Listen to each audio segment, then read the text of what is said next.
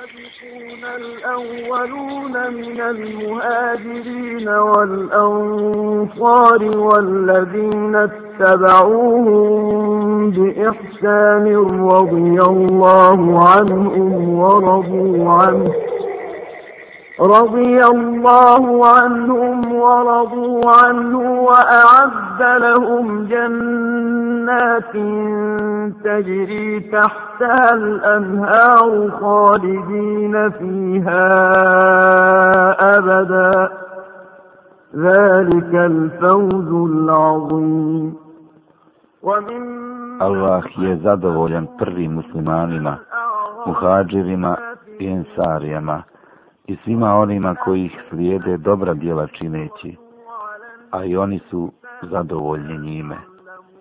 Za njih je on pripremio dženevske bašče kroz koje će rijeke teći i oni će vječno i zauvijek u njima boraviti. To je veliki uspjeh. On je jedan od osmorice koji prvi primiše islam. On je jedan od desetorice koji su još za života obradovani džennetom. On je jedan od šestorice ashaba koji su začinavali vijeće šura na dan kada se birao halifa poslije smrti Omera El Faruka. On je jedan od onih koji su davali odgovor na, na šarijatska pitanja. A Allahov poslanik, sallallahu alaihi ve sellem, još bijaše živ i nalazio se tu u Medini među muslimanima. Njegovo ime u džahilijetu bijaše Abdu Amr, a kada primi islam, Allahu poslanik ga prozva Abdurrahmanom.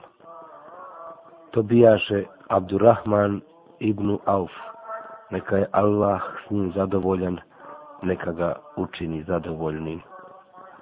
Abdurrahman ibn Auf prihvati islam prije negoli časni poslanik poče da se sastaje u kući Erkamovoj, a to bijaše samo dva dana nakon prelaska Ebu Bekra na islam. Doživio je na Allahovom putu sve one patnje koje su doživjeli prvi muslimani, pa je saburio kao i ostali što su saburili. Bijaše čvrst, pa i drugi čvrsti bijahu. Iskreno je vjerovao, a i drugi su bili iskreni u svom vjerovanju. Bježao je sa svojom vjerom u Abesiniju, kao što su mnogi od njih sa svojom vjerom bježali. Kada je vjerovjesniku i njegovim drugovima dozvoljena hidžra u Medinu, on bijaše među prvim muhađirima koji učiniše hidžru radi Allaha i njegova poslanika. Kada je Allahu poslanik, sallallahu alaihi ve sellem, počeo bratimiti muhađire i ensarije, pobratimio ga je sa ensarijom Sad ibn Rebijom, neka je Allah zadovoljan njime. Sad reče svom bratu Abdurrahmanu ibn Aufu. O, brate moj, ja sam najbogatiji čovjek u Medini. Imam dva velika voćnjaka i dvije žene. Pogledaj koji od ovih voćnjaka ti se više sviđa, tako da ti ga prepustim. I s kojom od ovih mojih žena bi bio zadovoljniji, kako bi se s njom razvjenčao. Abdurrahman reče svom bratu Ensari, neka ti Allah da bereketa u tvom imetku i tvojoj porodici. Pokaži mi gdje je pijaca. On mu pokaza čaršiju i on poče trgovati. Kupovao bi prodavao, zarađivao i ostavljao. I ne prođe mnogo vremena, a on sakupi sredstava koliko iznosi vjenčani dar za ženu, te se oženi. On ode Allahovom poslaniku, sallallahu alaihi ve sellem, a na njemu se osjećao ugodan miris. Allahov poslanik mu reče, šta je to u Abdurrahman? Oženio sam se, odgovori. A šta si dao svojoj ženi na ime Mehra? Dao sam joj zlata koliko je teška jedna košpica od datule. Napravi gozbu pa makar jednu ovcu zaklao, reče Allahu poslanik sallallahu alaihi ve sellem i blagoslovi ga riječima. Neka ti Allah da bereket u tvom imetku.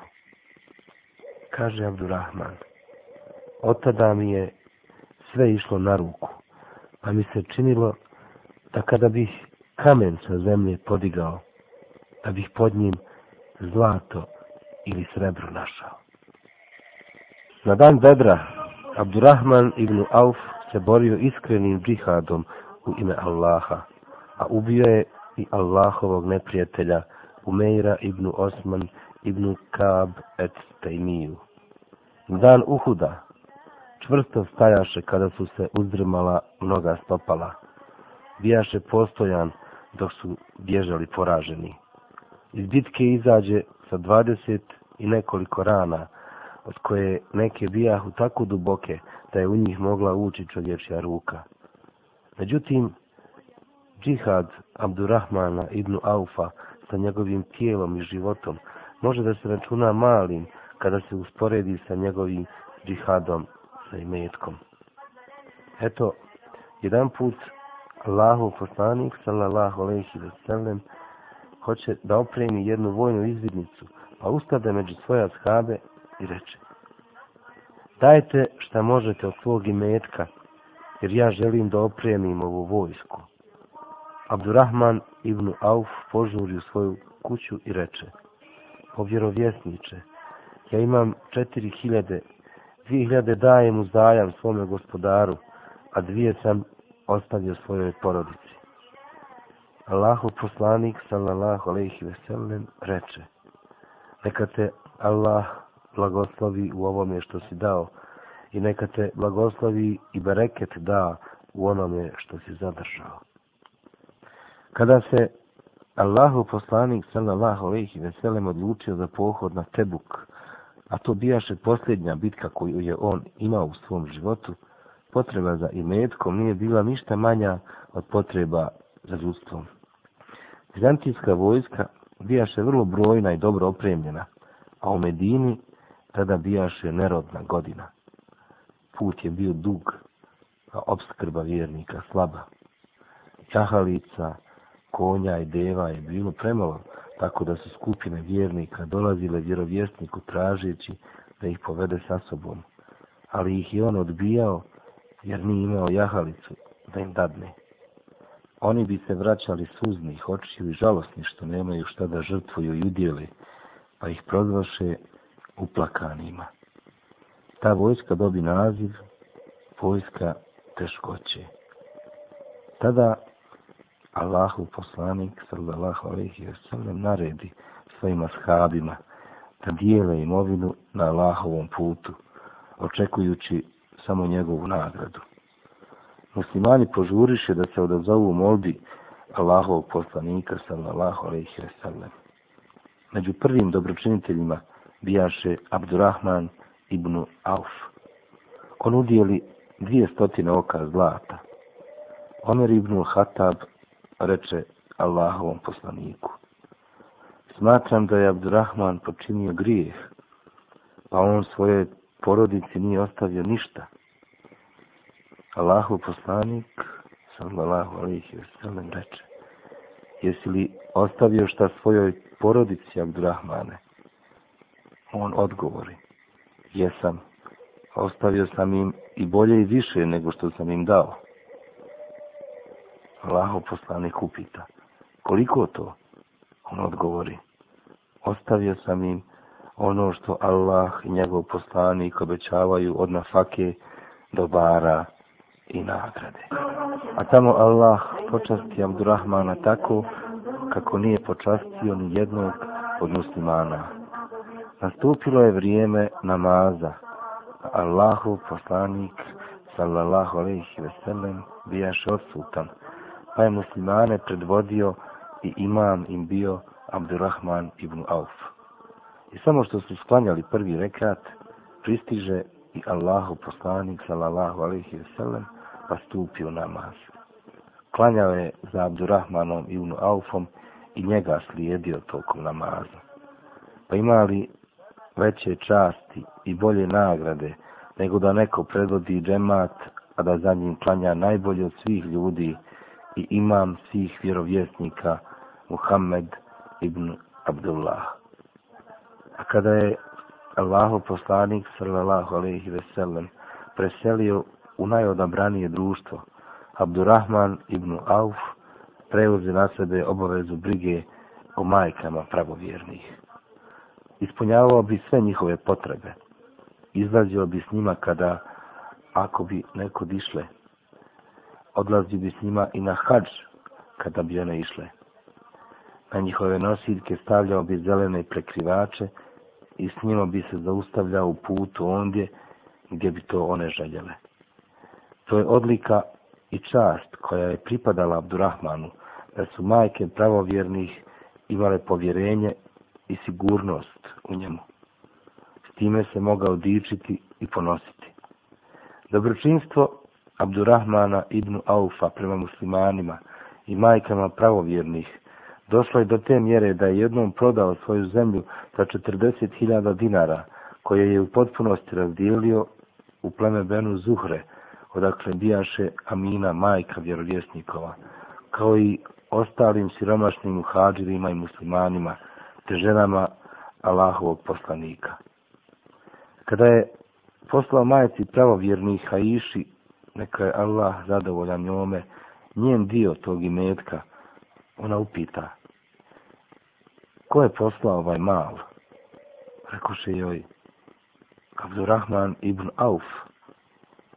Ona reče, rekao je Allahu poslanik sallallahu alaihi ve sellem, o vama će se poslije mene brinuti samo oni najstrpljiviji.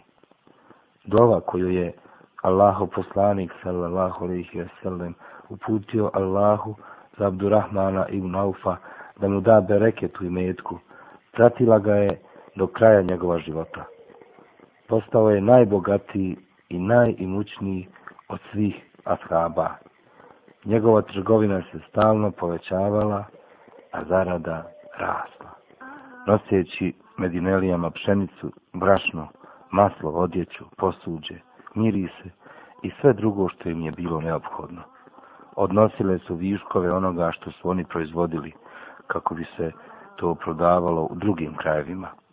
Jednog dana u Medinu stiže karavana Abdurrahmana ibn Aufa, a brojala je sedam stotina deva. Da, sedam stotina deva. Nosile su tovare hrane, razne robe i drugog što je bilo potrebno ljudima. Kada uđeše u Medinu, zemlja se uzdrmaše od topota brojnih kopita. Na sve strane čuo se neobičan zvuk i galama, a Iša, neka je Allah zadovoljan njome, upita. Kakva je to buka što se čuje? Rekoše joj. To je karavana Abdurrahmana ibn Aufa. Sedamstotina deva nosi pšenice, brašnu i drugu hranu. Tada Iša, neka je Allah zadovoljan njome, reče. Neka mu Allah da bereket u tom što mu je dao na ovom svijetu, ali nagrada na onom svijetu je opet veća. Čula sam Allahovog poslanika, sallallahu alaihi ve sellem, kako kaže, Abdurrahman ibn Auf će pužući ući u džennet. I prije nego će kamile iz karavane kleknuti, dođe obveseljivač koji Abdurrahmanu ibn Aufu prenese riječi majke pravovjernih, a iše, neka je Allah zadovoljan njome, i obradova ga sa džennetom. I samo što ova radosna vijest doprije do njegovih usta, on hitro dođe, a iši i upita je. O majko, jesi li ti čula to od Allahovog poslanika, sallallahu alaihi ve sellem? Da, reče ona. On prosto lebdeći od silne radosti reče, kada bih mogao, unišao bih u džennet uspravno. Majko, uzimam ti za svjedoka da cijela ova karavana, sve deve sa njihovim tovarom, sedlima i pokrivačima, dajem na Allahovom putu. Od tog lijepog i svjetlog dana u kojem Abdurrahman ibn Auf pi obradovan ulaskom u džennet, on još više poče dijeliti i trošiti imetak na Allahovom putu. Dijelio je imetak objema rukama i desnom i lijevom. Dijelio je tajno i javno, tako da je podijelio 40.000 dirhema srebra, a poslije toga 40.000 dinara u zlatu. Zatim je udijelio dvije stotine oka zlata. Jedan put je muđahidima obezbijedio pet stotina konja.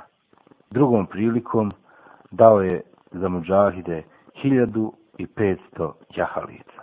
On je oslobodio veliki broj robova koje je posjedovao.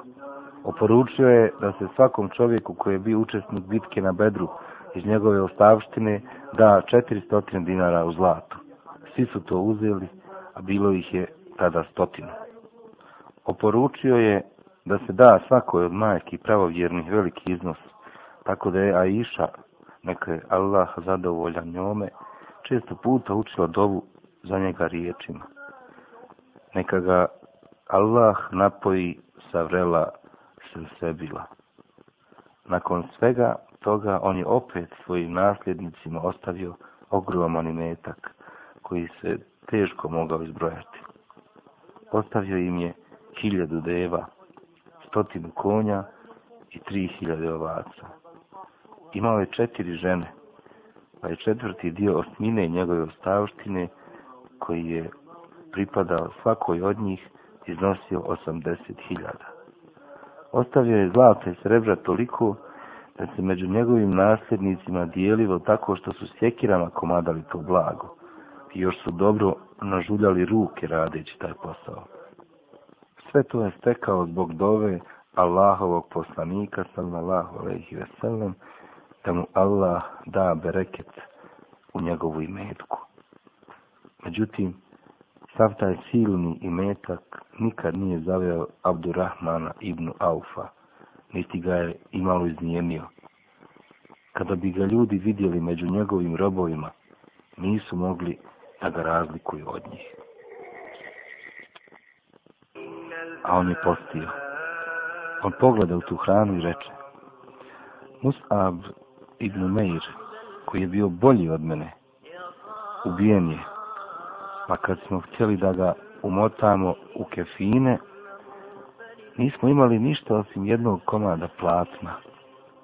Ako bi ga pokrili po glavi, virile bi mu noge. A ako bi mu se pokrile noge, vidjela bi mu se glava. I za toga nam je Allah dao od Dunjaluka sve ove blagodati koje sad imamo. Bojim se da nam naša nagrada ne bude ubrzana, to jest data na ovom svijetu, šta nas onda čeka na drugom.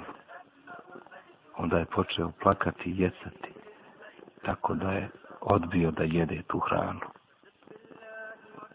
Blagoli se Abdurrahmanu ibn Aufu i sretan li je. Obradovao ga je s džennetom Muhammed ibn Abdullah. Njegovo tijelo do posljednjeg boravišta nosio je Dajđa, Allahovog poslanika Saad ibn Ebi Vekas.